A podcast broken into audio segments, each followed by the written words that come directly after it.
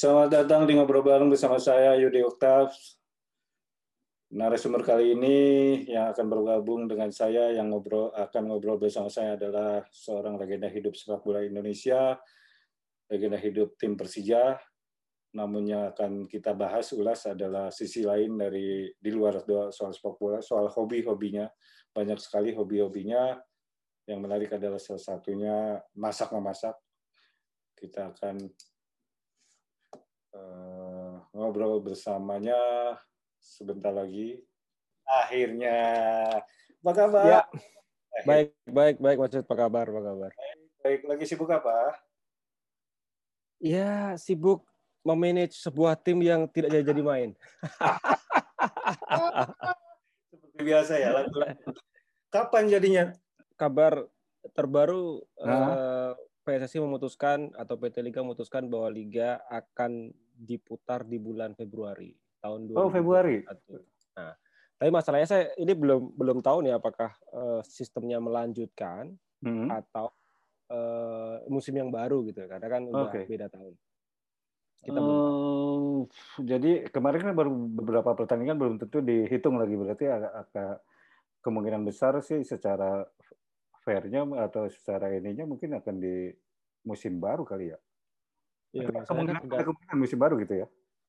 Tergantung dengan eh, batas waktunya sampai kapan gitu. Kalau kita kalau misalkan kita mengejar dengan sebelum Piala Dunia harus selesai, maka hmm. kelihatannya sih kalau diteruskan mungkin sistemnya akan baru mungkin ya harusnya. Oh, Karena kan Piala Dunia kalau jadi main kan Juli atau belum lagi kita kena puasa dan lebaran. Jadi kalau mulai Februari ya mepet sekali. Kalau misalkan sistem kalau dengan diputar dengan sistem normal ya, se, hmm. se, apa kompetisi seperti kemarin melanjutkan, hmm. Hmm. kelihatannya agak agak berat kalau misalkan uh, tidak ada perubahan sistem gitu. Okay. Karena kan waktunya cuma praktis cuma tiga bulan. Ya, ya, ya. Tapi kita nggak okay. tahu, kita belum tahu. Nah ini kan, bulan, yang, sepak bola Indonesia kan selalu selalu yes, berubah. Betul, selalu. lagu lama lah seperti biasa. Kemarin saya juga ngobrol sama coach apa Rahmat Dalwawan hampir sama apa yang dia ucapkan gitu, hampir sama. Tapi yang menarik adalah dulu apa sekarang lebih banyak koordinasi ya sebagai seorang manajer artinya itu nggak mikirin lagi sekarang betul-betul di lapangan sekarang lebih kepada ya sekarang lebih kepada seperti, seperti ini oke okay. sekarang lebih kepada kayak uh, mengatur atau mempersiapkan tim uh, dalam kaitan di luar lapangan gitu. Misalkan okay. kayak bagaimana image sebuah tim di luar lapangan gitu yang hmm, hmm. sekarang hmm. kita dan create termasuk dengan bagaimana media sosialnya, bagaimana okay. uh, uh, eh, pemain merepresentasikan diri di publik dan sebagainya. Kurang lebih okay. seperti itu. Oke, okay. oke. Okay. Nah, karena sekarang saya ngobrolnya bukan dengan seorang atlet, tapi seorang manajer lah, bukan lagi bisa di lapangan. Jadi saya sambil merokok ya, jadi nggak usah kalau sama. Oh, boleh, boleh, silakan. Saya agak silakan. ini. Nah, itu pasti kopi. Yang pengen saya tanya juga pasti kopi tanpa gula. Ya. Nah, itu betul kopi apa teh yang sekarang diminum? Sekarang teh, sekarang teh. Sekarang teh. Tanpa gula juga? Tanpa gula. Nah, kenapa? Langsung aja ke pertanyaan-pertanyaan yang sisi lain dari Mas BP itu. Kenapa kalau kopi sama teh itu nggak pakai gula? Uh, sebenarnya begini, karena dari silsilah ibu itu nah. ada uh, gula ya, ada diabetes. Gitu. Oh, oke. Okay. Walaupun walaupun sebenarnya sebagai atlet memang saya masih perlu perlu hmm. Asupan kadar gula, ya, ya. kadar gula, ya. Cuman saya mulai menjaga lah, mulai mengurang-urangi sampai akhirnya pada tahap uh, kalau minum manis itu jadi enak gitu. Oh, oke. Okay. Lebih suka kalau uh, tawar gitu, walaupun hmm. mungkin kopi. Uh, mungkin kalau kopi mungkin agak sedikit sedikit lah ya gitu. Uh. Tapi kalau teh emang benar-benar tawar. Jadi awalnya karena itu karena mulai menjaga. Agak terus, menjaga ya akhirnya lama-lama jadi merasa Kebiasaan. kok lebih enak, kok lebih enak. Akhirnya kalau teh manis malah jadi enak. Oke. Okay. Itulah. Oke, di luar itu apa yang ingin saya kita kupas, saya bahas itu ya memang di luar sepak bola. Kalau sepak bola seperti biasa lah, lah ya. gitu bosannya dan juga selalu sulit sulit diprediksi dan sulit dibicarakan gitu. Oke. Iya. Ingin mengupas di luar soal atau kebiasaan hobi Mas BP. Yang menarik kan salah satunya, ada beberapa yang ingin saya tanya. Salah satunya adalah memasak. Memasak, ya. kok bisa gitu ke memasak? Kenapa sih awalnya gimana Mas BP? sebenarnya begini, mungkin kalau uh, semua orang itu awalnya saya pikir dalam banyak hal itu bisa karena terpaksa gitu. Hmm. termasuk juga saya. Jadi saya tuh umur 15 tahun itu diusir dari rumah. Dia udah mulai tinggal di luar. Oh. mulai tinggal di luar. Oke, oke. Ya, di di klat ya? Ya, jadi kelas 3 SMP itu saya udah mulai uh, tinggal di luar rumah di hmm. asrama hmm. ya seperti layaknya asrama kalau hmm. uh, semua jatah makanan itu kan selalu ter uh, terbatas lah. Apa ya? Terbatas lah ya. Hmm. Apalagi saya ingat betul waktu itu uh, uang saku bulanan kita itu tiga puluh ribu. Jadi, per hari itu banyak itu. Per bulan, per oh, bulan, oh, per bulan. Oh, per bulan. per bulan. Jadi per, per bulan tiga puluh ribu. berapa itu kental dulu? Uh, Tahun sembilan empat. Sembilan empat. Ya? Di kelas salah tiga kan? Ya. Iya, oke. Tiga puluh ribu plus dapat sabun, ah, odol, nah, nah. gitu lah ya. Iya, iya. Nah, ketika kelas satu SMA baru naik lima puluh ribu waktu itu. Hmm. Nah, jadi jatah makan kita tuh pakai kalau bahasa kita omprengan gitu ya. Ya, di jatah ada lauknya. Jatah masing-masing. Oke, okay, ya. Nah, jadi kalau tiap malam gitu kalau lagi lapar gitu kita biasanya eh, kong kali kong sama ibu dapurnya itu. Ah. Nanti ya gitu. Nah, kita ah. masak. Nah, berapa akhirnya masak lah. Ada berawal dari situ akhirnya mulai belajar untuk masak. Oke. Okay. Ya awalnya cuma masalah masak nasi goreng, bikin ah. indomie gitu ya. Ah. Nah, berlanjut ketika saya harus tinggal di uh, Belanda, Belanda ketika Belanda. 15 tahun. Jadi karena usia 18 ya? Usia 18 19. 18. Oke. Okay. Salah satu yang menarik adalah saya ini dulu nggak doyan nggak doyan keju gitu. Oke. Okay. Jadi malah jadi dulu nggak doyan.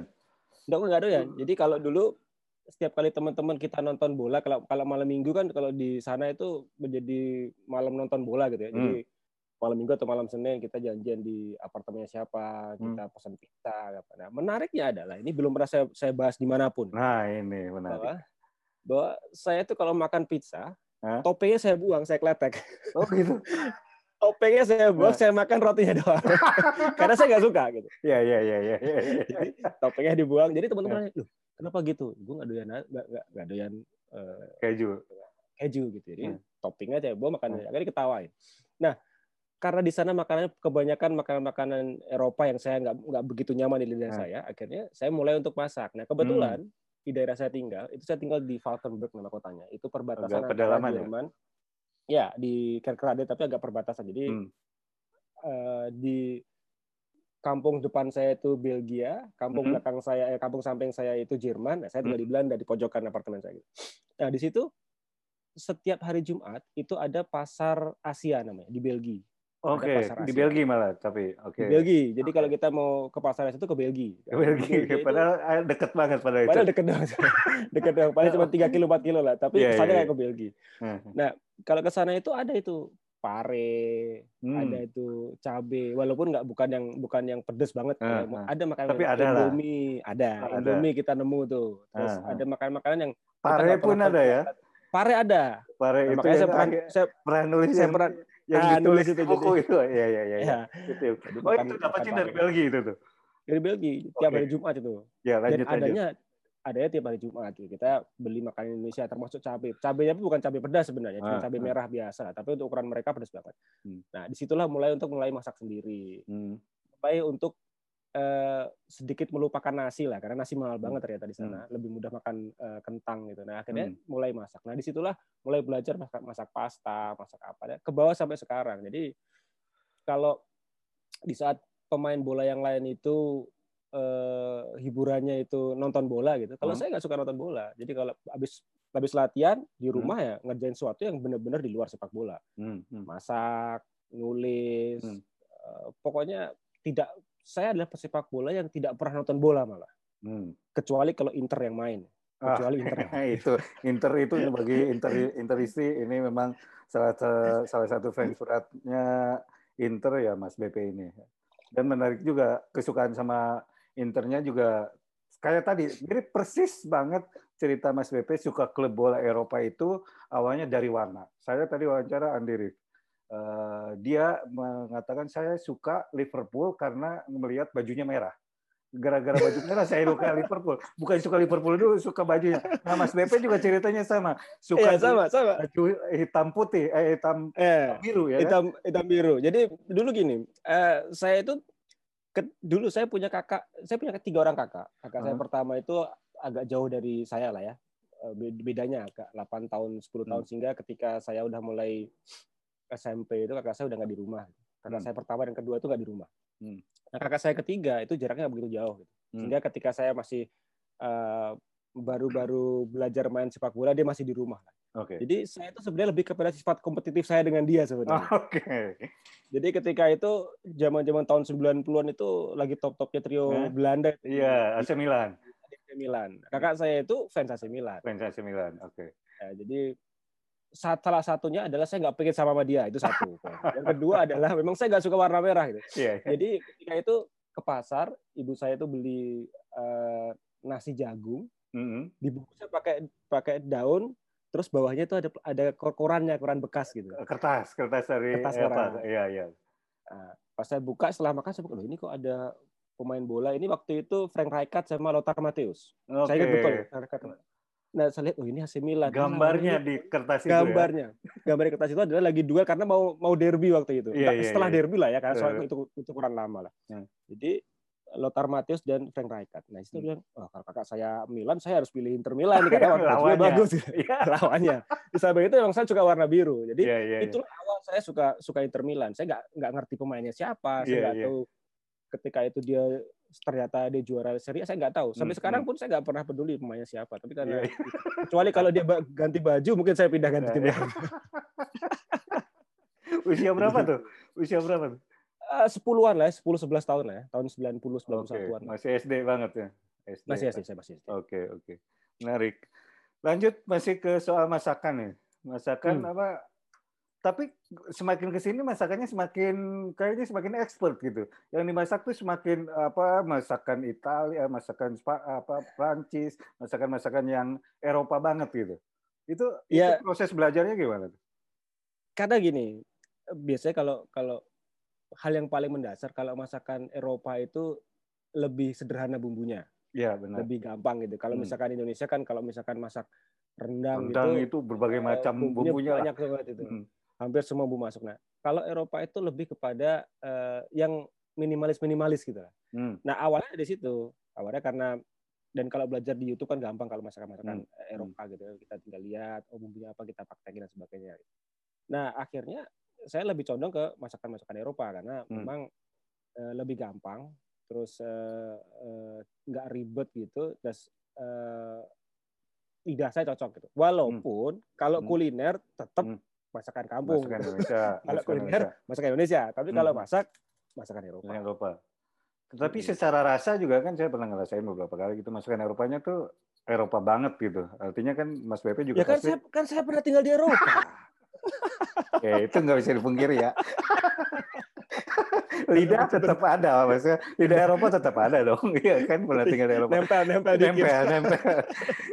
Artinya rasanya juga rasa Eropa gitu, maksudnya ya yeah. tesnya, tes rasanya, kemudian penyajian juga apa bagaimana membentuk karena ya orang semakin ke sini semakin melihat Mas BP sebagai apa dengan apa uh, Instagramnya nekat chefnya gitu branding nekat, nekat chefnya kan sudah mulai dikenal gitu artinya ya, benar ya karena nekat tadi itu sebenarnya tapi nah, menariknya begini mas sebenarnya hmm. begini bahwa saya itu kadang-kadang menghabiskan waktu beberapa lama di dapur itu nggak kerasa gitu karena emang ya. ya karena seneng tadi ya seneng hmm. hmm. mungkin awalnya karena seneng makan juga jadi nyoba-nyoba oh ngeblend bumbu ini dengan ini jadi oh ternyata white sauce tuh begini enaknya hmm. tambahin hmm. ini tambahin dan hmm. jadi uh, seneng aja gitu jadi kadang-kadang kalau misalnya saya di dapur itu uh, istri sama anak saya usir jangan sih jangan sih jangan jangan okay.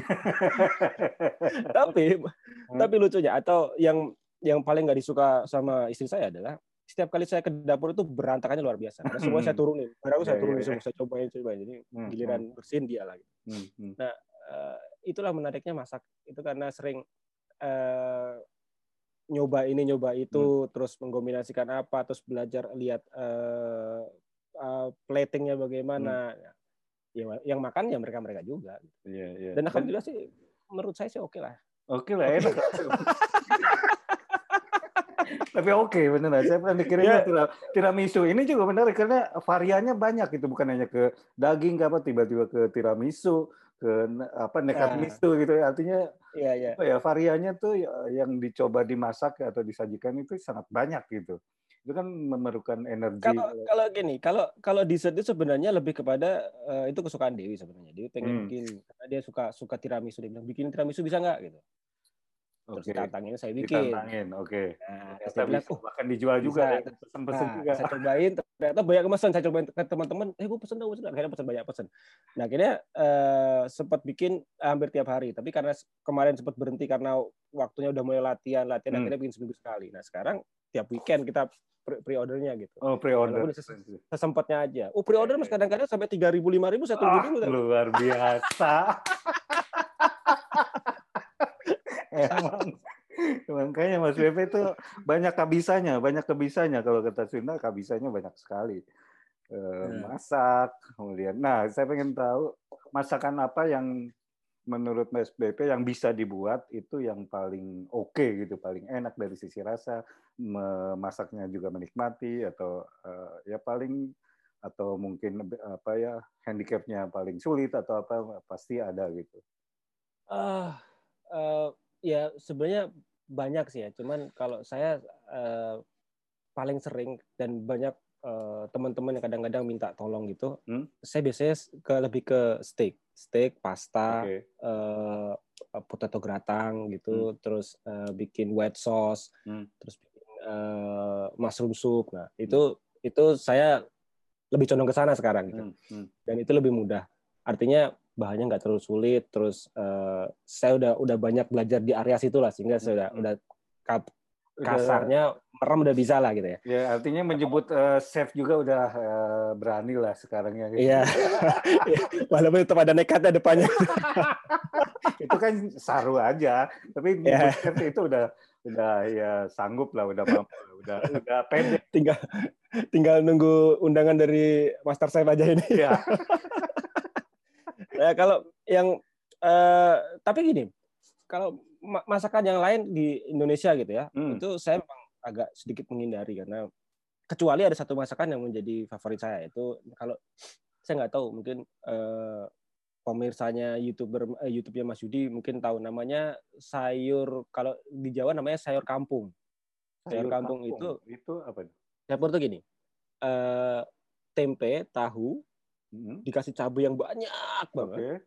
dikasih santan, hmm kental gitu itu namanya kalau di kampung namanya jangan deso atau sayur kampung gitu. Jadi okay. sayur tempe, hmm. tahu, cabenya banyak, hmm. dikasih santan. Biasanya ditambahin sama kayak kulit-kulit uh, ditambahin kulit gitu, enggak? Apa? Enggak, daun kucai, hmm. daun kucai terus oh, sama kucai. sama uh, teri, teri Medan gitu. Okay. Nah itu kalau itu kalau di kampung makanya pakai sa, uh, nasi nasi tiwul. Okay. Nasi tiwul itu nasi dari singkong. Singkong ya. Di Wonogiri Nah, itu kalau itu saya masih sering masak. Barusan nih, barusan. Nah, saya belum pernah saya nyoba masak. itu. Ya, itu ya, kalau yang ini belum pernah nyoba dan kayaknya uh, minta dikirim kalau itu. Nanti tak kirimin. Karena ya, ini ya, ya, ya. agak ini agak ini special location ini bikinnya kalau Oh ini. gitu. Uh, ya. Sama tiwul, kalau, sama sama nasi singkong ya. Makanya, nasi nasi singkong ya. Jadi singkong itu dijemur, hmm. terus diparut, Nah, baru di, di dimasak. Dimasak. Dimasaknya barengan hmm. apa dipisah? Enggak, enggak, enggak, enggak. Dimasak kayak nasi gitu. Enggak, eh, tetap kayak nasi. Oke. Okay. Nah, jadi, jadi singkong dibelah, dijemur sampai kering gitu, baru diparut. Hmm. Nah, baru di, di, di, dikukus kayak nasi gitu. Kayak nasi. Oke, okay, menarik. Gitu. Enak ya? Ke, kebayang saya lagi ngebayang tadi pedes-pedesnya sama tahu tempenya sama teri medanya itu. Ya. Kayaknya itu, mantap itu banget. Namanya sayur kampung. Jangan deso kalau kita bilangnya. Oh gitu. Oke oke. Apalagi masakan yang yang secara apa ya personal tuh sangat apa ini banget ya atau salah satunya yang menarik tuh kayak waktu ditulis di buku itu soal apa namanya eh, pare pare itu pare iya. kenapa pare dimasak waktu itu kalau pare lebih kepada ini uh, itu masakan masa kecil saya gitu saya kebetulan di keluarga saya itu semuanya suka suka pahit gitu, suka pare. Pare itu pahit. Oh, okay. Banyak orang nggak suka tapi saya suka karena eh, itu apa ya seperti merefresh ya? atau me ya, memori lah, mengingat old memory lah ya gitu, ya. kalau pare gitu. Jadi uh, itu salah satu makan makan favorit saya pare itu. Jadi tumis pare biasa aja gitu. Bahkan saya sering beberapa kali uh, nemu ada satu restoran Padang. Ini ini unik hmm. nih. Saya di banyak tempat saya nemu uh, tumis pare itu yang paling enak malah di restoran Padang. Oh iya, di restoran, restoran Padang, Padang, tumis pare. Iya, tumis pare di restoran okay. Padang. Ini saya sebut mereknya boleh kan? Boleh, boleh, boleh. Bebas, bebas di sini. Saya ngerokok juga bebas. Bebas. Di mana, di mana? Kita bebas. Di Sari Ratu. Eh, oh, di Sari Ratu.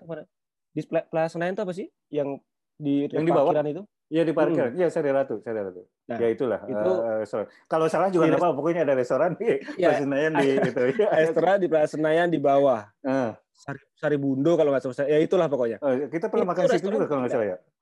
Kita hmm? pernah ketemu makan di sana kalau nggak salah. Iya pernah. Nah di situ itu adalah oseng parenya paling enak oh, menurut gitu? saya. Oh, oke. Okay. Di restoran Padang. Jadi kalau saya ke sana biasanya malah pesannya bukan yang lain-lain tapi yang lain-lain itu dulu. Yang pertama itu dulu. pasti harus harus ada itu dulu. Are, okay. itu minimal tiga porsi dulu. Tiga porsi. Tiga porsi. Mantap. Nah, selain itu, restoran mana lagi yang menurut Mas Pepe ada khas yang kayak seperti tadi yang yang pernah Mas Pepe itu kan kulinernya luar biasa gitu ke daerah mana pun pasti yang ini salah, salah satu cari itu salah satu makanan. kelebihan salah satu kelebihan atau keuntungan dari berprofesi sebagai seorang atlet itu hmm. bisa uh, mengunjungi banyak daerah Betul. banyak banyak daerah tidak hanya di Indonesia tapi juga di kalau kita beruntung sampai ke luar negara lah ya kan yeah, misalkan yeah. kita bermain di level lebih tinggi nah salah satu cara mempelajari budaya daerah itu paling cepat melalui makanan Nah, itulah kenapa saya sering makan. Walaupun ini sekali lagi ini saya saya saya jujur saya katakan bahwa itu bukan contoh yang bukan contoh yang baik ya karena hmm. Boleh bagaimanapun seorang atlet makanya mungkin harus uh, harus lebih teratur. Hmm. Jagalah. Tapi saya jujur memang bukan atlet yang terlalu menjaga itu walaupun frekuensinya mungkin juga tidak terlalu sering. Hmm. Tapi apa pun itu itu tidak bagus. Nah, banyak daerah yang di Indonesia ini yang makanan-makanannya unik sebenarnya. Hmm. Kayak misalkan saya pernah nemu makanan di Wamena itu eh, namanya udang selingkuh. Udang selingkuh di Papua ya di ah. Wamena. Oke. Okay. Di Wamena. Jadi udang selingkuh. Kenapa udang selingkuh? Karena jadi bentuknya udang, hmm. tapi capitnya tuh besar kayak eh, kepiting. Oke. Okay. Jadi kalau orang sana bilang udang selingkuh, saya nggak tahu kalau dalam imajinasi, imajinasi saya tuh mungkin udang selingkuh sama kepiting gitu. Jadi ah, badannya, iya, iya, iya, iya. badannya mungkin udang, prosesnya prosesnya diawali dengan nah, itu tuh si udang mungkin. ada uh, gennya gen kepiting. Nah itulah kenapa mereka bilangnya udang selingkuh dan itu di grill biasa aja itu enak banget. Hmm. Oke. Okay. Dibakar biasa aja itu itu di, di Papua. Terus ada eh, di Papua di Jayapura itu hmm. ada mungkin kalau ada pemirsa saya YouTube Mas Yudi ke Papua bisa dicoba ada namanya ikan bakar Nusantara. Ikan ah saya pernah dengar kalau itu ikan bakar Nusantara. Nah, ikan bakar Nusantara itu tepatnya okay. di dekat di dekat pantai hmm, di siapa? samping mall baru mall apa lah ya mall Cendrawasih atau apa. Nah itu itu terkenal banget. Oke. Okay. Jadi kayak ikan nila hmm. dibakar dikasih bumbunya tuh minimalis kok bumbunya tuh cuman kayak butter doang gitu tapi hmm. sambelnya tuh sambel sambel gorengnya tuh yang luar biasa mantap Dan makanya cuman, news banget makanya, wah itu makanya itu cuman cuman cuman lau apa lalapnya itu cuman timun sama eh, daun singkong hmm. sama nasi putih timun sama daun singkong Iya, pakai nasi, gitu, tetap pakai nasi. Pakai nasi, pakai okay. nasi, tapi sedikit. Okay. Itu ikannya ikannya enak banget. Itu itu di Papua. Nah, kalau di Aceh itu kalau biasanya kan ke Aceh pada makan itu ya, pada makan uh, mie rojali, mie Aceh. Hmm, gitu. ya, ya, nah, ya. Saya pernah paling ekstrim di sana makan kari kambing, kari kepala kambing itu benar-benar utuh satu kepala kari kambing. kepala kambing. Oke, okay. kari utuh. kepala kambing. Oke. Okay. Utuh kepala kambing gitu. Hmm? Dan konon kabarnya, ini konon kabarnya, saya nggak bisa pastikan konon kabarnya masaknya pakai bumbu bunga iya uh, ganja. Ya, udah udah bukan konon katanya. Bukan konon kabarnya tapi kemungkinan besar. Di sana nah. pasti uh, salah satu itu kan jadi bumbu masak ya. Jadi bumbu. bumbu. Itu kalau habis makan, itu saking enaknya. Kalau habis makan itu jalan goyang, Mas. ini benar. Ini benar. makan itu goyang, jalan goyang pulang. Habis makan, pulang tidur. Jadi karena memang enak eh. dan agak pusing tadi itu, nah, makanya konon itu pakai uh, itu. Yeah. Saya bisa kan? Ya ya ya. kemungkinan besar gitu.